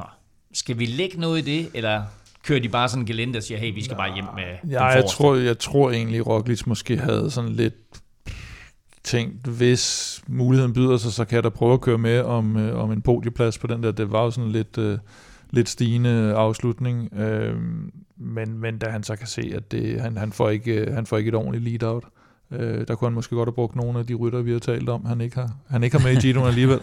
Så, så han, han, han, jeg tror, han har forsøgt at, at se, om han lige kunne nappe nogle point på en, på en podium. Han er hurtigere i den her slags afslutninger end Remco. Det var den måde, han vandt i, i Katalonien. Så, så det er de steder, han skal forsøge sig, og dem er der... Bliver der sendt et signal? Ikke. Nej, det synes jeg ikke rigtigt. Jeg synes, det var som ventet. Altså, de sluttede der, ikke? Og, og det er også som ventet, at øh, det, det var måske måske kunne man læse lidt i det, at, at da de kører bonusspurten ude på ruten, der er det som om, at Roglic tænker, okay, det er et sekund, vi kører om her. Mm. Så fint, hvis han får tre, og jeg får to. Det er der ikke så meget i, fordi så sparer jeg heller nogle kræfter til at se, om jeg kan få den her podieplacering, hvor der er 10, 6 og 4 i mål, fordi der kan jeg gøre en større forskel. Sådan tror jeg, han har tænkt mm. i hvert fald. Og det er, det er, det, det er de steder det er i afslutningerne, han skal tage de her sekunder ind på Remco, som Remco vinder over ham på enkeltstarterne. Øh, det er hans, hans hurtige afslutning. Det er ikke ude på de her 3-2-1 bonussekunder. Jeg kan godt, men jeg kan godt forstå, at du spørger, om der bliver sendt et signal, fordi når jeg også sidder og tænker over så vil jeg sende Ballerini ud øh, i en spurt, eller mm. sende en holdkammerat ud og, og fuck det op, så, så der ikke er nogen bonussekunder at køre om, i stedet for selv at tage kampen op med Roglic. Øh, mm. Fordi det er jo ikke i hans interesse. Hvis man er i førerpositionen, så vil man gerne øh, som regel prøve at spare på krudtet, fordi det kan være, at man får brug på det mm. på et mm. senere tidspunkt, og man vil også gerne, øh, kan man sige, begrænse modstanderens muligheder for, for at hente ind, og især når Roglic har vist, at han ofte kan, kan baske ham i en spurt, så synes jeg, at det virker lidt mærkeligt, at han selv øh, går efter det, når han har nogle holdkammerater, som måske kan hjælpe ham lidt øh, på den front. Ikke? Øh, jeg ved ikke, om man skal lægge så meget i det, men øh, det ligner lidt en Remco, som vi kender ham, som er øh, lidt op at køre, som gerne vil gå forrest, som Simon, gerne vil vise sig lidt frem. Ikke? Ja. Øhm, det, det behøver ikke at gå galt for ham, men altså, øh, hvis det gør, så vil vi jo, så vil det her måske være en af de små detaljer, ja. som, som man kan sige, og som, så var det også fordi, ikke? Men, øh, mm. Men øh, jeg tror ikke, det betyder så meget. Nu skal vi se, hvis det er noget, han bliver ved med, så, så, så bliver det måske en, en større historie. Fra øh, snak om Remco og Roglic og Giroen, så skal vi nu snakke om hjelme. Skal du ikke have hjelm på? Jeg synes, den er ret irriterende, den. Den giver sådan en øh, kløe i hårbunden. Svend, ja? I kan plyndre lige så tosset I vil, men I tager hjelm på. Ja. Du har med garanti set reklamen med vikingen Svend, der skal på togt og ikke vil have hjelm på, og så tvinger den skrabe kone ham til alligevel at tage den på. Øh, I de her uger, der har Rådet for Sikker Trafik fokus på at få os danskere, både mænd og kvinder, til at bruge hjelmen oftere og især til hverdag. Og øh, du har hørt fra ham allerede en gang, nemlig Michael Mørkøv. Her har vi taget en lille snak med ham omkring at være lead-out-rytter, og vigtigheden naturligvis af at køre med hjelm. Michael Mørkøv, hvis du skulle sætte nogle ord på at være lead-out-rytter, hvad er så en undervurderet del af det? Det er jo meget kaotisk og meget voldsomt, og også farligt selvfølgelig, men, men det, det er jo klart, at jeg prøver ligesom på at, at, at, at være, være rolig i det. Øh, det er jo ligesom den, øh, den måde, at jeg føler, at jeg præsterer bedst, og jeg prøver også altid på at have mit hold og min holdkammerater omkring mig, og det giver jo selvfølgelig ro i forhold til, hvis man hvis man sidder alene eller, eller kun sammen med en sprinter i, i den her mængde af, af konkurrenter, øhm, så kan det godt være meget voldsomt, men hvis man ligesom kan, kan bruge sit hold og sine holdkammerater til at, til at have en side af vejen eller et, et område i feltet, øh, så, så er der mulighed for at dels at spare lidt på kræfterne, men også forholde sig i ro, øh, indtil det virkelig gælder. Mm. Og netop det her med, at det er farligt, Michael. Du har kørt cykelløb hele livet og har øh, 15 års erfaring på, på World Touren. Du har oplevet nogle øh, meget uheldige og grimme situationer. Ja, det har jeg jo. Altså, det, det sker jo indimellem, at, øh, at der er nogen, der styrter i massesport, og nogle gange sker det også for mig selv. Og 7 9 13 for det. Men øh, jamen, det er jo øh, selvfølgelig, at øh, det, der bliver jo der jo kæmpet om at komme først til stregen, og, og det er ikke altid, der er så meget plads på de, de vejstrækninger, og plads til alle kan komme til at, at spurte. Nu tænker jeg lidt tilbage, at øh, du er blevet 38. Øh, du må jo næsten være startet med at cykle, mens cykelhjelmen ikke var et krav. Det har altid været et krav, når jeg har øh, som konkurrence, men, men altså, jeg voksede op med, at, øh, at jeg som amatørrytter ikke trænede med hjelm. Altså, og jeg har været ja, sågar på, på landsholdstræningssamlinger i Livigny, hvor vi ingen af os overhovedet cykler med cykelhjelm på, men vi bare træner med kasket. Så og det, er jo, det er jo ret vildt at tænke på i forhold til, til dagens Danmark, hvor at, øh, der ville man gå fuldstændig amok, hvis der var sådan noget, der skete i, øh, hvad skal man sige, under en offentlig instans. Men, Men... Øh, ja, det, det var vilkårene på det tidspunkt. Men når du tænker tilbage på det, og du så ser på dagens cykling, hvad tænker du så? Jamen, jeg tænker jo, at, at jeg har det egentlig godt med at have hjelm på, og jeg sætter mig aldrig op på, på min cykel i, i dag uden at have hjelm på. Øhm, men jeg kan også huske dengang, at hjelmene var sådan lidt mere, lidt tungere og lidt mere bøvlet, og, og der var noget frihed i, i at ikke have dem på. Øh, hvor at, øh, at de hjelme, der er i dag, øh, nu har jeg selv kørt med Specialized hjelm i sidste år, de, øh, de vejer ingenting og sidder utrolig godt, og øh, ja, er egentlig faktisk rare at have på, så derfor så, så er det egentlig en, øh, en no-brainer at, at have hjælp på, og, og så selvfølgelig, øh, øh, at du, du har den sikkerhed, men jeg vil så sige, at dengang, var jeg trænet uden hjelm, selvfølgelig så er der jo en chance for, at man vælter, men, men, men man føler sig rimelig sikker, øh, når man selv træner. Det, men altså, jeg er da glad for, at jeg aldrig har skulle øh, køre løb uden hjelm. Det, det virker for mig vanvittigt i hvert fald. Og hvor, hvor mange gange har du selv smadret den hjelm? Øh, ja, men at, at de går jo tit i stykker, når der man vælter og, og ligesom rammer jorden. Ikke? Og det, det fortæller også noget om, at de, de, de gør sit arbejde. Og, og nogle gange, så, så kan du være involveret i styrt, hvor du faktisk øh, næsten ikke engang øh, bemærker, at du, du rammer øh, jorden faktisk. Men så bagefter, så ser man på hjelmen og kan se, at, at den er knækket, fordi man bare lige har været nede og og nikke en skal, ikke? Øh, så, så derfor så, øh, så, så, så tager den jo voldsomt meget fra og passer jo på ja, det vigtigste, vi egentlig har.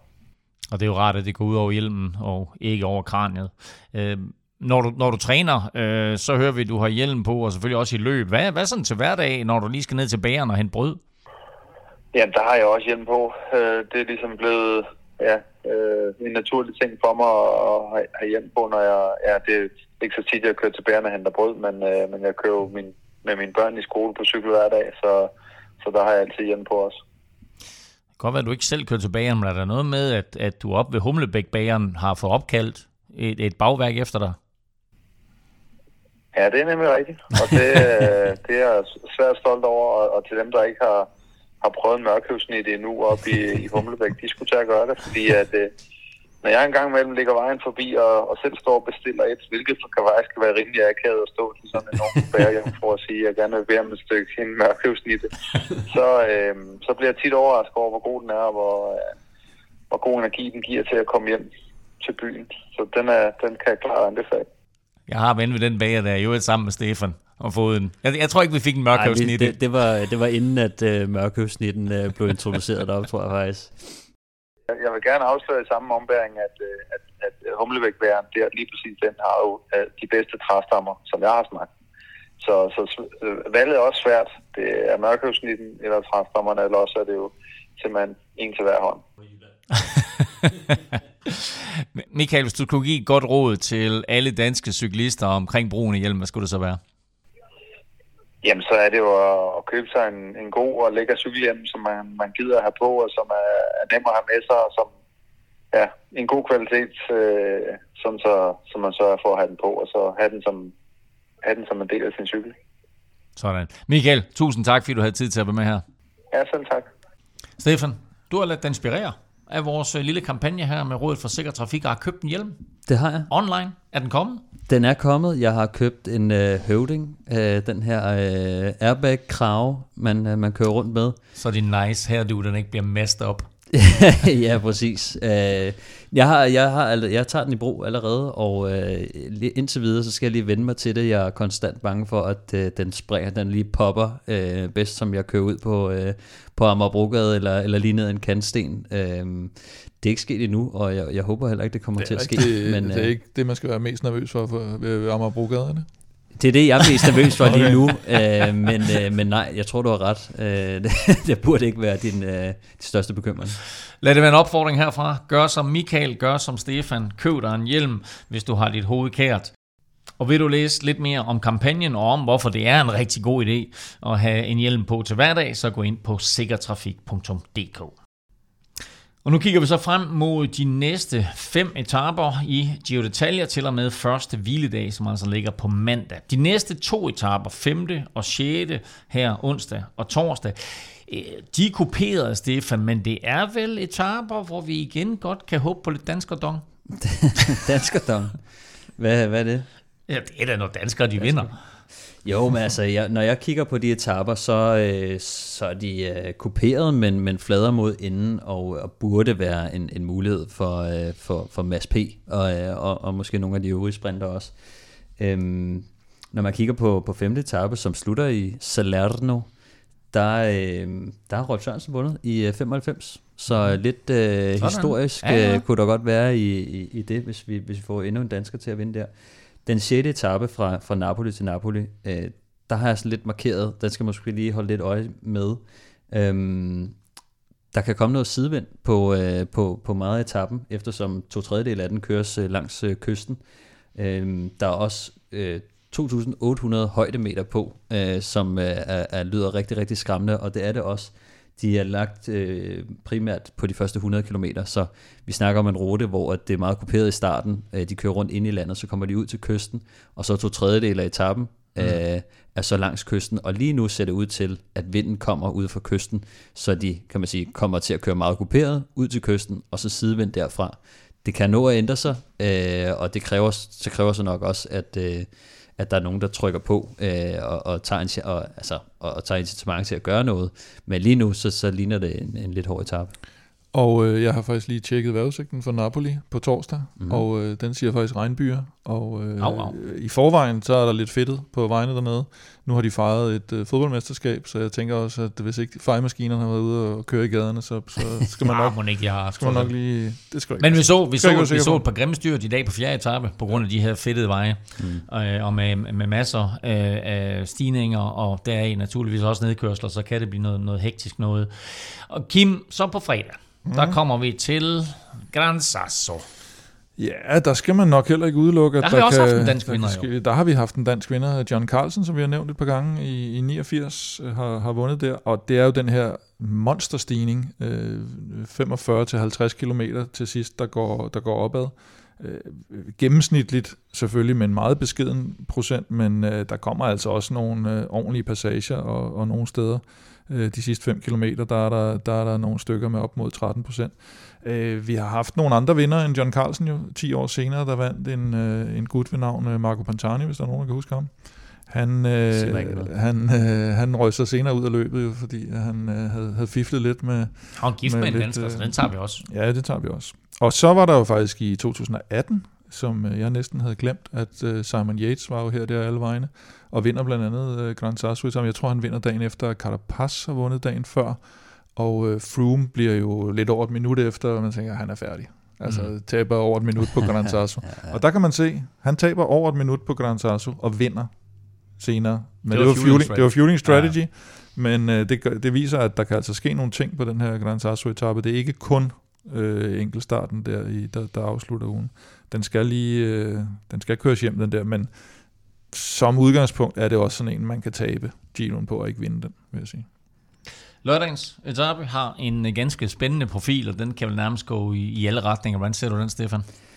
Jamen umiddelbart så ligner det en, en, en udbrudetappe. Øhm, den er lidt for hård for sprinterne, formentligt, øhm, og ikke helt hård nok til, til klassementsrytterne, kan gøre en forskel, så det ligner nok sådan en, hvor at øh, føretrøjen vil, vil lade dem køre, øh, og ikke satse, satse tungt på den. Øhm, men øhm, den er, øhm, der er tre kategoriserede stigninger meget tæt på mål. Det er en øh, to kategori 4, men så også lige en kategori 2 stigning i midten, og de kommer ret tæt på mål, så det bliver formentlig øh, for hårdt for, for ja, kan man sige, alle sprinterne, så jeg vil nok mere sige, hvis det er favoritter, der kommer ind og kører om det, så er det nok sådan nogle som Roglic, øh, Gegan Hart, øh, som er de spurtstærke sprintere, men ellers så, er det, så ligner det en, en udbrudsetappe.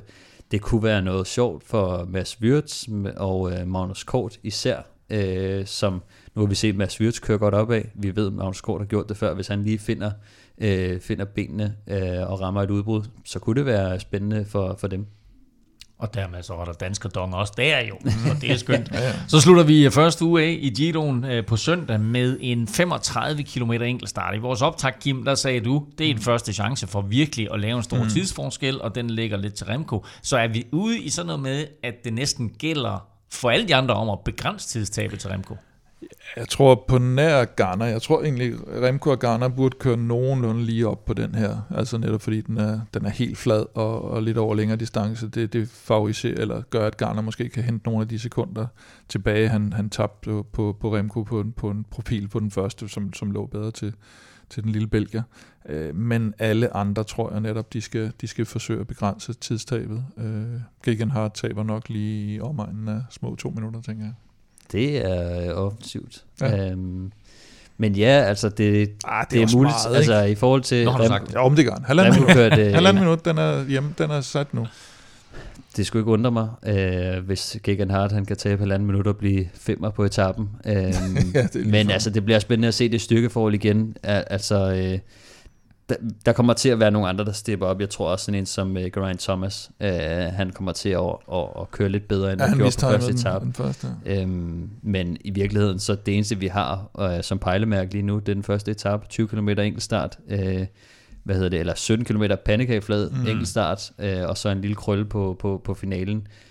Um, der bliver store tidsforskel, tror jeg. Uh, og uh, det bliver spændende at se, om Roglic han kan, han kan hive noget op, fordi han skal være klar på den der. Ellers så, så begynder det allerede ja. der at, at se lidt sort ud uden hold. Øh, og hvis han også sætter halvanden minut i banken, og, og Remco lige pludselig sidder på en føring, der siger to minutter, øh, så, øh, så bliver det svært for ham at, at komme tilbage. Altså, i teorien så kan Lægne Sund holde trøjen ind til på søndag. I teorien, siger jeg. Ah, Jamen, i teorien. I teorien. Han er 28 sekunder. Han er 28 sekunder foran Remco nu. Han det betyder, så også, det betyder så også, at, at vi, vi formoder, at Remco han vinder den her, og måske endda i stor stil. Så er trøjen tilbage på Quickstep. Det, det er den jo allerede fredag på Gran Sasso. Liggende Sund holder den jo ikke, øh, holder ikke 30 men, sekunder på Grand Tour. Ja, men det, det, det, kunne godt være andre, kan man sige, som måske ja, overtog den. Det men jeg, tænker, jeg tænker bare, at, at, at søndag, der vil, der vil Remco, der vil han nappe ja, føretrøjen igen. Er vi så der, at så kommer de ikke til at smide den igen. Altså, så er det ligesom om, du endnu har de været uden for, altså de har ikke haft noget ansvar, de her den sidste halvdel af første uge, og så derfra, så er det ligesom deres. Jeg tror virkelig gerne, de vil prøve at øh, skåne deres hold, øh, ja, det og, og give den væk igen Altså, øh, så derfor tror jeg også, at der er mange, der gerne vil gå i det her udbud, fordi at, at de har ikke lyst til at have den på deres hænder mm. fra start til slut. De har en fordel i, at de har et stærkere hold end Jumbo lige nu, men hvis de skal tage ansvar øh, fra start til slut, så bliver det også en rigtig hård Giro for dem, og så kan det være, at, øh, at Jumbo kan komme med et eller andet øh, spjæt til sidst øh, med, med nogle nye kræfter. Ja, og, så, og skal folk, der de kører sig i jo, form. så skal de jo gøre det, at de vælger at smide den endnu mere på Gran Sasso, ikke? og sige, at en eller anden helt ubetydelig rytter kan få 5 minutter eller sådan noget. Præcis. Øh, Ja. men, og så er det jo bare DS, så er det DSM, der lige pludselig skal holde det samlet på Gran Sasso, ikke? og så kan det blive noget værre råd øh, på den der 50 km stigning. Det tør jeg næsten ikke øh, tænke på, hvor, hvor mange gange det kan nå at skifte øh, karakter der. Vi har i hvert fald fem rigtig, rigtig spændende etaper tilbage i den her første uge af Giroen. Og øh, nu har vi også en spændende afgørelse i quizzen. Dagens spørgsmål handlede Ungarn rundt, og det var ret simpelt. Ja. fordi vi skal kun et enkelt år tilbage i historikken. Hvilken dansker var som den første meget, meget tæt på at komme på podiet i Ungarn rundt sidste år? Faktisk var han kun 9 sekunder fra. Ja. Meget nemt spørgsmål. Kim, du har serveretten. Ja. Vil du svare først, eller vil du lade Stefan svare først? Jeg tager den klart. Det er Godt. en af de nemmeste quizzer, vi har haft. Ja, tak. Det er Michael Mørkøv.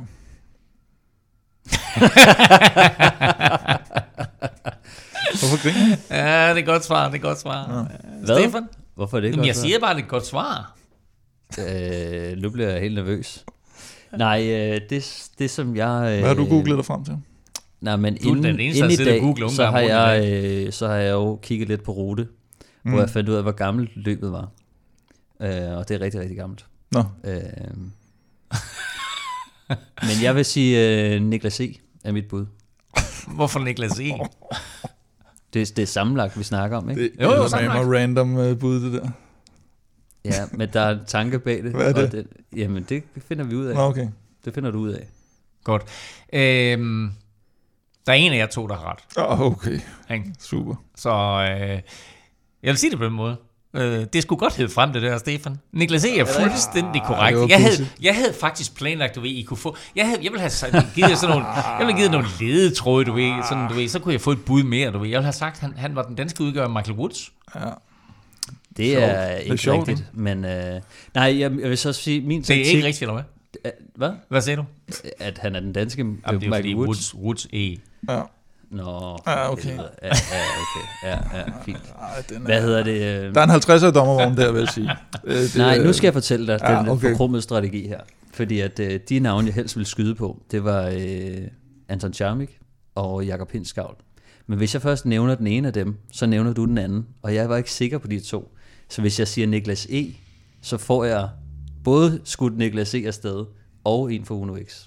Fordi du, Jeg du tænkte slet ikke på Uno jeg, X. jeg tænkte slet ikke i nogen baner. Jeg, jeg, jeg Men det er har aldrig nogensinde set det. Jeg, sekund modsat der. dig, følger også lidt med i cykelsporten. Ej, det er rigtigt. og, og øh, hvad der sker på Uno X og de her drenge. Ja. Så jeg har prøvet, jeg har fulgt dem lidt, og de kører nogle af de her Slovakiet, mm. øh, Ungarn og Tyrkiet og alle de her løb. Øhm, du har jo sågar snakket med Anton Charmik øh, på toppen af et bjerg i, i Tyrkiet, ikke? Har jeg det? Ja, kan jeg engang vi havde huske. et Det er alt for kort tid engang. Øh, det er alt for kort tid siden, ja, Ja. det er rigtigt. Um, men det var min tanke, ja. At øh, snyde dig på den Det var måde. en meget spændende quiz, synes jeg. Ja, og nu sagde, nu sagde du, at han var blevet fire. Det er han, han faktisk ikke. Jeg tror, jeg mener, at han blev sekser, men at der var øh, 9 sekunder for ham op til tredjepladsen. Jeg tror bare, du sagde tidligere, at vi skulle finde ud af, hvem der blev fire i, øh, i Ungarn, men han blev faktisk ikke fire sidste år, det var kun sekser. Det var, det var meget tidligere, Kim. Det er, en, det er en time siden, det er halvanden time siden, du kan slet ikke huske det. Det er også lige meget. Det er, alt lige for meget, prøv siden. Det er vigtigt her. I hvert fald set ud fra Stefans synspunkt, det er, at der var et point, og dermed så er han foran 9-8. Vildt. Sådan. Øh, nu var det her jo en, en udsendelse, som vi optog en dag tidligere, en øh, planlagt. Vi forventer, at Vil Europa Podcast er tilbage allerede på søndag, hvor vi så kigger tilbage på den her spændende første uge, og også kigger frem mod en ganske, ganske spændende uge 2. Hvis du vil vinde en øh, Vil Europa Cup eller en af vores andre lækre præmier, så hop ind og støt os på tier.dk. Og husk også april måneds t-shirt Il Falco på shopveleuropa.dk. Og øh, det er jo den her hyldest til Stefan Paolo Sabaldelli Paolo Savoldelli, bedre kendt som Il Falco, som du har fortalt et par gange, på grund af sine vanvittige evner som nedkører. Indtil vi høres ved, der kan du følge Kim og Velropa på Twitter. Det sker på Snablag Velropa. Stefan finder du på Snablag Stefan Djurhus. Og undertegnet finder du på Twitter, Insta og Facebook på Snablag NFLming. Tak for nu. Oh, oh, da. tak for nu. Tak fordi du lyttede med. Uh, tak til alle vores støtter på TIR.dk, uden jeg ingen vil på podcast, og naturligvis tak til vores partnere og rådet for sikker trafik. Spænd hjelmen, det nytter. Arrivederci. thank you